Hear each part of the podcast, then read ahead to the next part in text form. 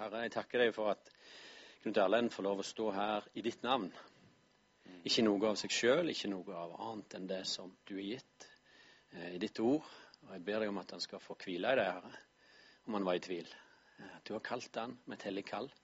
Sett han inn i en tjeneste, få lov å løfte opp dette fantastiske ordet og den rikdommen som du har for oss, Herre. Gi han fred, gi han trygghet, gi han frimodighet i ditt navn. Jeg følte Jeg vet ikke om jeg skal kalle det en uh, tydning, men den siste sangen som kom til oss, det jeg følte jeg var et uh, kallerop fra Den hellige ånd. Um, kom, mitt barn, følte jeg. Den hellige ånd sa. Kom, mitt barn. Det var det jeg kjente i mitt hjerte. Kom, mitt barn. Uh, og det, det, går rett inn i den teksten som jeg har sett på til i dag. Jeg skal begynne med å lese fra Johannes 4. Um, der er det en veldig fin historie om Jesus som møter den uh, samaritanske kvinna. Uh, det er en veldig spesiell historie. Uh, Jesus fikk nå vite hva fariserene hadde hørt, at han vant flere disipler, døpte flere enn Johannes. Skal vi se, der skal vi se. Jeg vil hoppe til vers 7. Da kommer det ei samaritansk kvinne og vil hente vann. Jesus sier til henne, 'Gi meg noe å drikke', for disiplene hans hadde gått inn i byen for å kjøpe mat. 'Hvordan har det seg', sier kvinna, 'at du som er jøde, ber meg, ei samaritansk kvinne, om drikke?' For jøder holder seg ikke sammen med samaritanere. Jesus svarer, 'Om du hadde kjent Guds gave og visst hvem det er som ber deg om drikke', så hadde du bedt Han, og han hadde gitt deg levende vann. Herre, sa kvinna, du har ikke noe å dra opp vann med, og brønnen er djup, så hva får du det levende vannet fra? Du er vel ikke større enn Jakob, stamfaren vår, som ga oss brønnen og sjøl drakk av han, både han, sønnen hans og buskapen hans? Jesus svarer, den som drikker av dette vannet, blir tørst att. Men den, den som drikker av det vannet jeg vil gi, skal aldri mer tørste. For det vatnet jeg vil gi, blir til ei kilde i Han med vatn som bryter fram og gir evig liv. Kvinna sier til ham, Herre, gi meg dette vatnet, så jeg ikke blir tørst mer og ikke trenger å komme hit og hente opp vann. Da sa Jesus til henne, Gå og hent mannen din og kom tilbake hit. Jeg har ingen mann, svarer kvinna.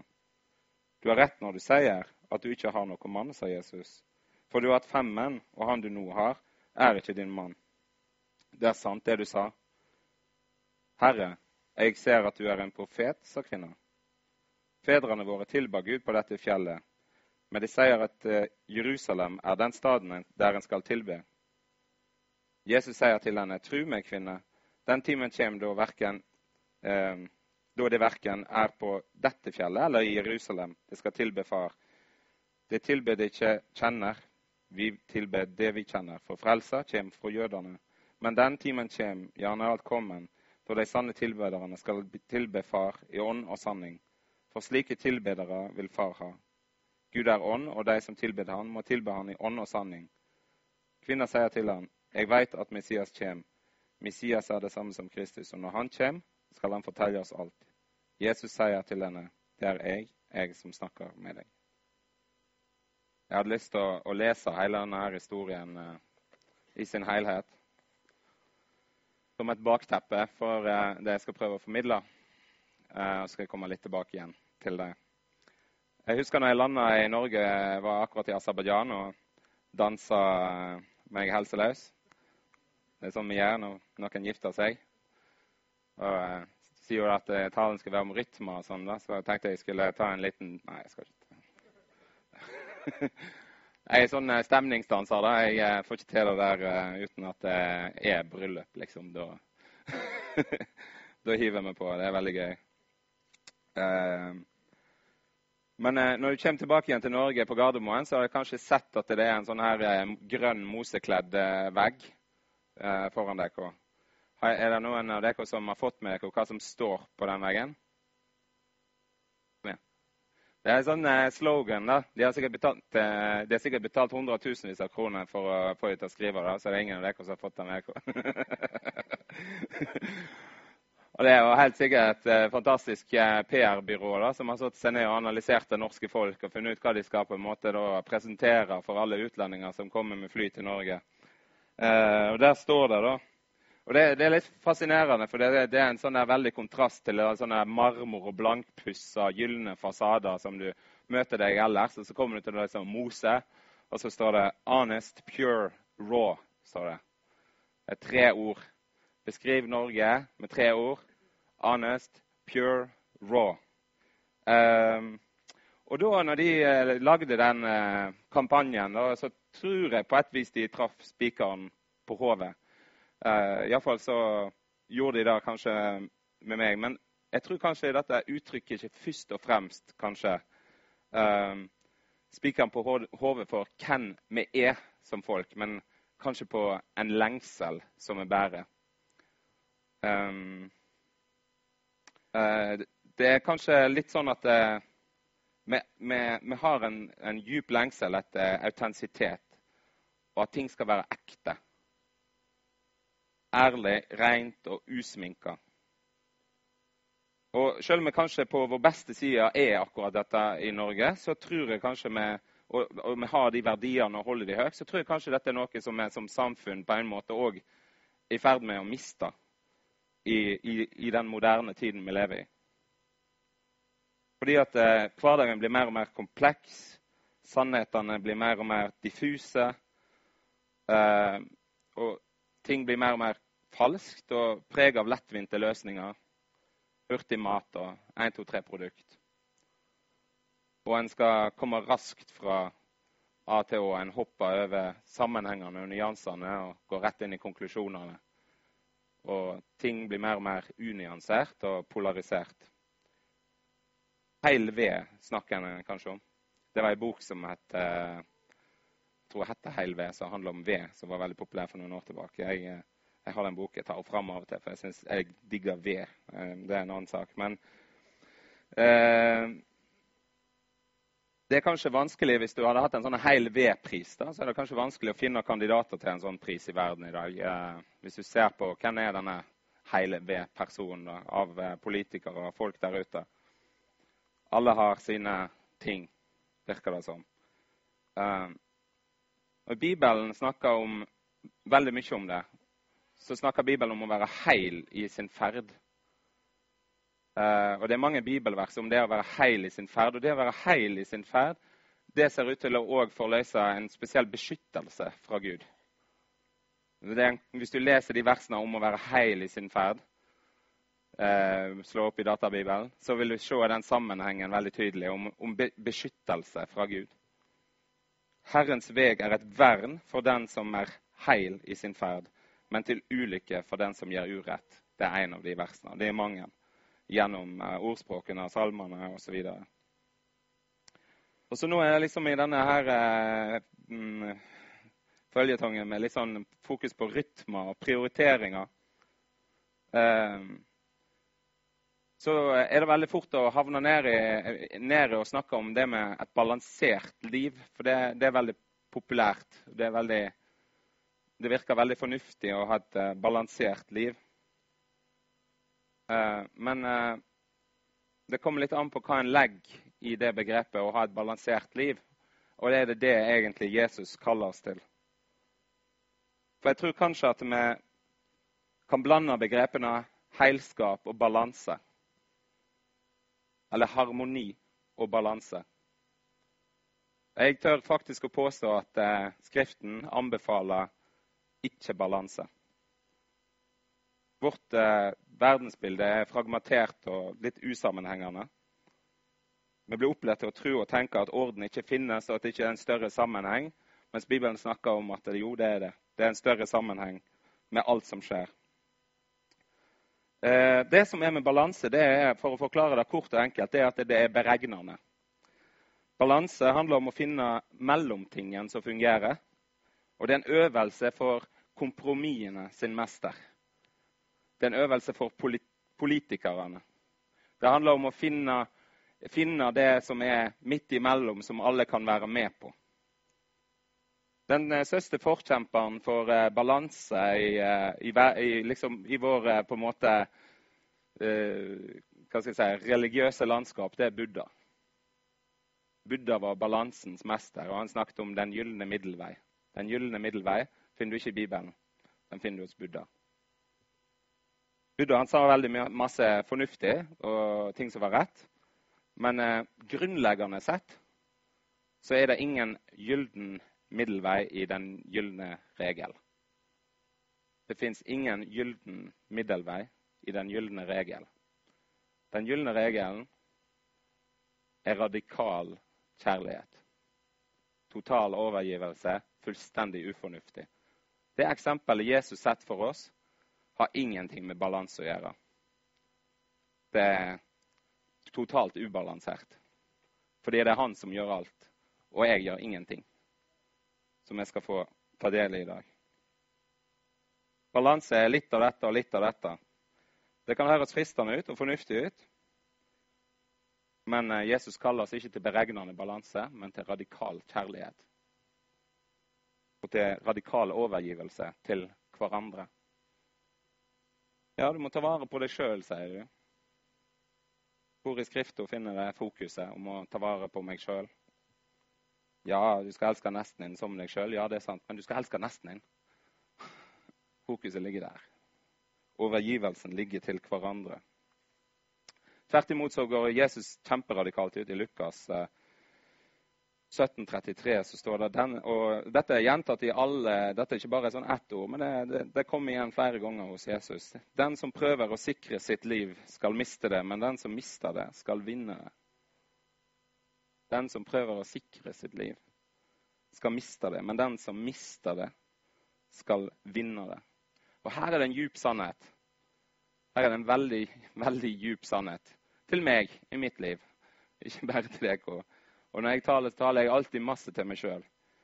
Eh, den måten jeg blir inspirert av å tale, det er fordi at jeg merker at uh, Oi, Helligånd, nå sier du noe til meg. Så får jeg dele det med dere. I den ytterste negative konsekvensen av uh, balanseregimet så kan, kan en tenke seg at en kan på en måte gjøre litt dårlige ting Eh, for å kompensere for de gode tingene. Fremdeles balanse, da. Litt synd og litt gode ting. Så blir det balanse, og så blir Gud fornøyd. Høres bra ut? Det fungerer ikke sånn. Balanse er noe vi må passe oss for. Kanskje ikke det jeg trodde det skulle høre, men vi kan kanskje le, men underbevisst så tror jeg vi driver med et sånt her lite sånn balanseregenskap i, vår, i vårt bakhode. I vårt religiøse jeg. Med gode gjerninger og dårlige gjerninger. Eller kanskje egoistiske gjerninger. Kanskje vi ikke er sånn grell synd og, og på en måte Men dette der foregår i vår syndige natur det ligger veldig naturlig for mennesker å tenke på balanse. og Derfor er tanken om karma veldig stor i, ute i verden, overalt. Du kan gjerne le, men akkurat det der med å på en måte synde på nåden er jo et, noe som Paulus går rett inn i og vil til livs. For det er en naturlig tanke. Uh, men Jesus han kaller oss til helhet. Til heilskap. Han kaller oss til uh, fred, harmoni, shalom. Hvis vi forholder oss til livet med Jesus som en sånn erkjent sluttsum som skal fordeles, eh, så glemmer vi det viktige. Jesus er en kilde. Du, du vet ikke hva totalen er, for du har med en kilde å gjøre. Altså, Hvis du ikke hadde med en kilde å gjøre, så hadde du kanskje et visst antall på en måte, hva skal jeg si, ting å fordele, forholde deg til og balansere. Men du har med en kilde å gjøre, en kilde til liv. Jesus sier han er en kilde til liv. I Johannes 4 så ser vi dette her vakre møtet mellom ei kvinne som ingen jøder ville ha noen ting med å gjøre, og så at Jesus på en måte går inn i det møtet, bare ser hun som et menneske og bare møter hun på en fantastisk måte, som vi ser igjen i bibeltekstene gang på gang. Og det er bare utrolig vakkert. Hva kjennetegner et heilskapelig helskapelig liv? Jeg tenker kanskje punkt én er være deg sjøl.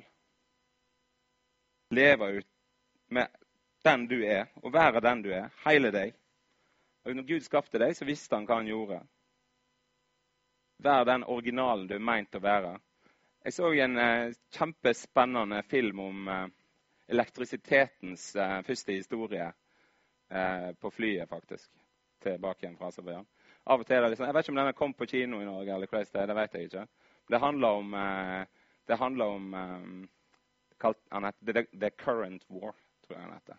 Det handler om current som i strøm. Da. Altså hvordan denne kampen mellom vekselstrøm og likestrøm og de her forskerne som oppdaga elektrisiteten. De visste nesten ikke helt hva det var og kunne ikke beskrive det. og De drev på og eksperimenterte. Og så var det jo Edison og Tesla, sant? som eh, var bare to vidt forskjellige folk. Edison hadde et ganske stort selskap på gang. Og Nicolai Tesla han kom som en fattig mann fra Europa. Prøvde lykken i USA med, veldig, med et veldig stort hode. Og kom der i dress og var veldig sånn pertentlig og greier. Så fikk han beskjed om å jobbe på gulvet for eh, Edison. Og eh, Edison og Tesla de var bare to vidt forskjellige personer. Uh, og Edison satte ikke pris på Tesla sin måte å tenke på. Han ville bare eksperimentere og eksperimentere. Uh, saken er Senere så er jo historien sånn at Tesla han kvitta med Edison, og så gikk over til et annet firma. og der utvikla han da asynkronmotoren som vi den dag i dag kan være takknemlig for at noen hadde hodet til å finne på. En fantastisk oppfinnelse som 100 år etterpå er bare ja, en vekselstrømmotor. For de hadde ikke mulighet til å lage motorer, så de gikk bare på DC-strøm. ja, Nå er jeg langt inn i tekniske, men ok, det er en fantastisk revolusjon da, for å si sånn, en revolusjonoppfinnelse som Tesla kommer med. som det er hans måte å arbeide på. og Han kommer med det. Så kommer Edison med mange andre oppfinnelser. Det er to vidt forskjellige personer. Så tenkte jeg så fantastisk at det, at det liksom En person som bare eksperimenterte og kjørte på med det. og Han, han utvikla jo film, eh, verdens første filmapparat. sant, Edison senere. Og, og hvordan disse her, liksom 100 år etterpå, er deres oppfinnelser i bruk. Og, og så tenker jeg at det, hvordan er det når folk på en måte får lov til å være sine ja, Nicolai Tesla han ble helt fullstendig kvelt når han skulle passe inn i Edison sin måte å operere på. Men eh, når han fikk lov til å, å, være den han var, så var han et geni. Vi må være oss sjøl. Vi, vi, må by på Verden går glipp av utrolig masse fordi at vi ikke tør å være den vi er. Og fordi at vi ikke tør å by på det vi har, og, det, og fordi at vi vil passe inn. Og i Jesus, i den friheten som han gir oss, så kan du være 100% deg sjøl. Og det er en fantastisk frihet. Og det kan forløse utrolig mange fantastiske ting i, i, eh, i, vårt samfunn. Det neste er liksom når du ser Uansett hva du har å komme med Når du har latt Mesteren sitt lys komme inn i livet ditt, til alle dine avkroker, så er det Ja, enten så er du kanskje som kvinna ved brønnen. Det du hadde å komme med da, det var, det var et ødelagt liv, et rotete liv, et liv full av, fullt av, av, av problemer. Eller om du er som den lille gutten som kommer fem brød og to fisk. Eller om du er som eh, ja, kommer med noen kar med vann som kan bli til vin. Uansett hva det er du har, så spør Jesus om han kan få det. Uansett om det du har, var bare et ødelagt liv, så sier Jesus gi det til meg.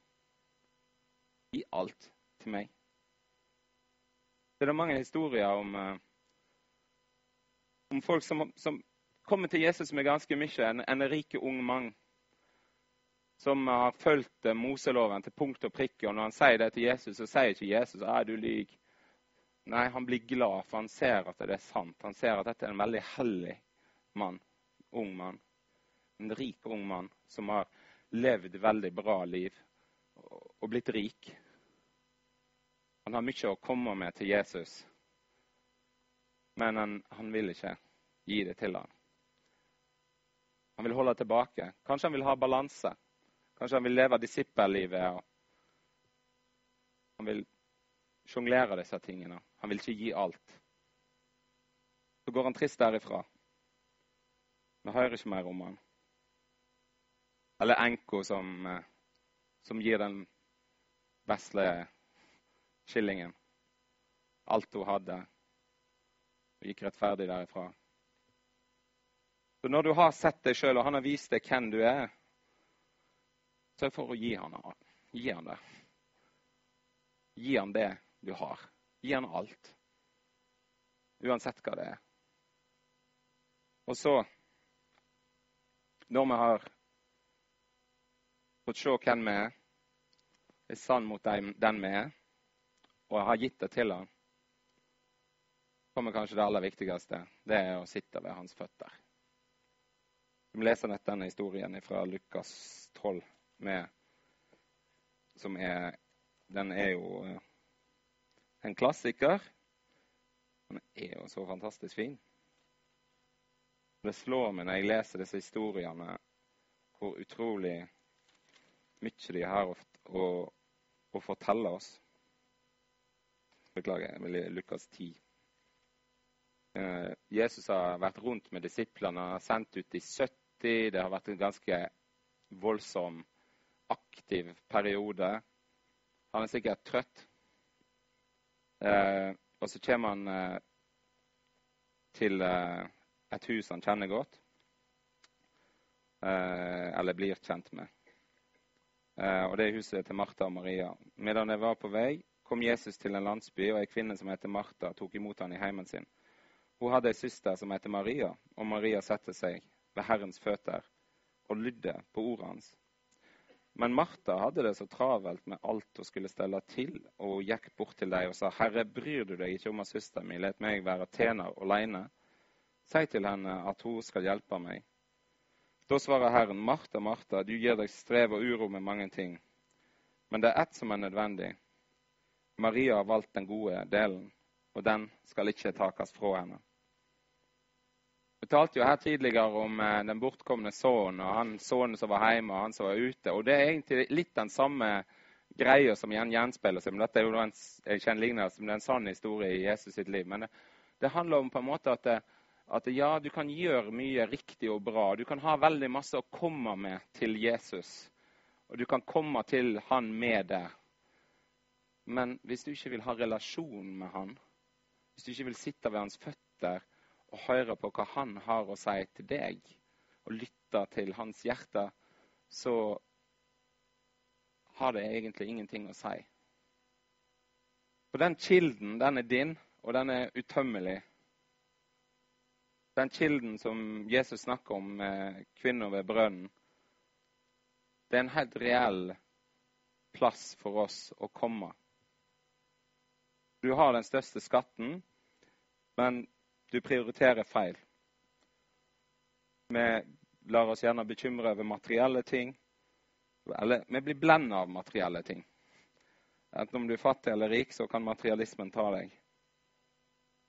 Og Jesus bruker mye tid på å snakke om dette. Hvis vi skal lære oss til å prioritere det kristne livet, så må vi ikke tenke på balanse. Vi må tenke på å prioritere Jesus og bare Jesus. Vi må inn til hans hjerteslag. For hele livet går ut ifra det. Jeg hadde en annen oversettelse av Bibelen eh, som eh, skrev Lukas 12 sånn for dersom dere prioriterer Guds rike og hans vilje før alt annet, skal dere få alt det andre i tillegg. Dere har fått inn 'prioritere'-ordet. Hele livet vårt som kristne strømmer ut ifra denne relasjonen. Og Noen ganger så stopper livet opp fordi at vi vil det, av og til fordi at vi ikke vil det. Uh, mange uh, går på en uh, smell, snakker de om. Går på veggen uh, blir utbrent. Og Bibelen snakker om dette her å gå til sides, og Jesus gjør det sjøl. Og det er faktisk sånn at De beste, beste delene av Bibelen det, de, er, de, er, de, er, skrevet enten i, i asyl eller i, i, uh, i, fengsel. Når alt annet er satt til side, så får man helt spesiell anledning til å, å lytte til Gud. Uh, men så kan vi jo prøve å skape den uh, situasjonen sjøl, da. Vi trenger ikke vente på, på, at alt stopper opp. To og et halvt, tre år siden så, så fikk jeg masse fysiske symptomer fordi at jeg hadde sprunget og sprunget og sprunget. Og plutselig så sa kroppen stopp. Nå er det for mye. Uh, og da fikk jeg en sånn periode i livet mitt. Og det var en veldig god periode med Gud. kan, kan ikke si at Gud gjorde det, men Gud brukte den perioden i livet mitt veldig aktivt. Uh, men kanskje vi kan uh, sette oss sjøl i fengsel uh, litt, litt, før vi blir satt i fengsel. det er ikke så mange av oss som blir satt i fengsel, men ordet som, som en bør bruke i den kristne tradisjonen, er askesio. og det, Tanken er at kropp og sjel og ånd henger sammen og det vil si at Hvis du skal gi din ånd sjanse å kommunisere med Gud, så må du fysisk eh, eh, avskjerme deg, avsondre deg fra støy. Min eh, askesio, det det er når jeg kjører bil. Når jeg pendler til Bergen av og til nå, så eh, Takk Gud altså, at jeg ikke har sjølkjørende biler, for da hadde jeg sittet med telefon eller et eller annet da. Men eh, kan jo ikke det. Så da er hendene på rattet, og så er det gjerne lovsang på, eller en tale, eller kanskje Bibelen. Tre timer med Gud. Det er fantastisk. Uh, jeg vet ikke hvor du finner dette rommet i din hverdag. Hvor du finner denne plassen der du, du, du, kan, du kan, ha støyen vekk. Uh, men uh, vi må lære oss det. Jeg må lære meg det. Jeg må lære meg det til å finne den uh, oftere. Mer eh, kanskje på andre plasser enn eh, bare i bilen. Men eh, samme hvor du finner den, den plassen. Men uh, vi, må, vi, må, finne den. Fordi at eh, ånda di er avhengig av at du, du fysisk tar deg til den plassen. Der du kan være stille for Herren. Skal vi ha åndelig vekst i vårt liv, så må vi skape disse situasjonene jevnlig og sitte ved Jesu føtter. Resten er egentlig støy. Men der er kilden til liv. Takk, kjære gode far, for, uh, for ditt ord. For ditt ord er sannhet, og du helliger oss i din sannhet. Takk, Herre Jesus, for uh, din uh, radikalitet. At du ikke bryr deg om hva vi hadde i bagasjen, og hva vi hadde å komme med. Bare vi kom med det. Bare vi kom med alt framfor deg. Er du der, Herre? Hver gang. Trofast. Hver gang, Hellige Ånd, så vil du tale til meg. Når jeg bare får eh, satt eh, ting til side. Så jeg ber jeg, Herre Jesus, om at du eh, leder oss og la oss forstå hva, hva, det vil si å prioritere i et kristent perspektiv. Hva det vil, vil si å være kobla på kilden. Lær oss, Hellige Ånd, å regne med kilden. At vi har en himmel over det vi holder på med i alle ting. Amen.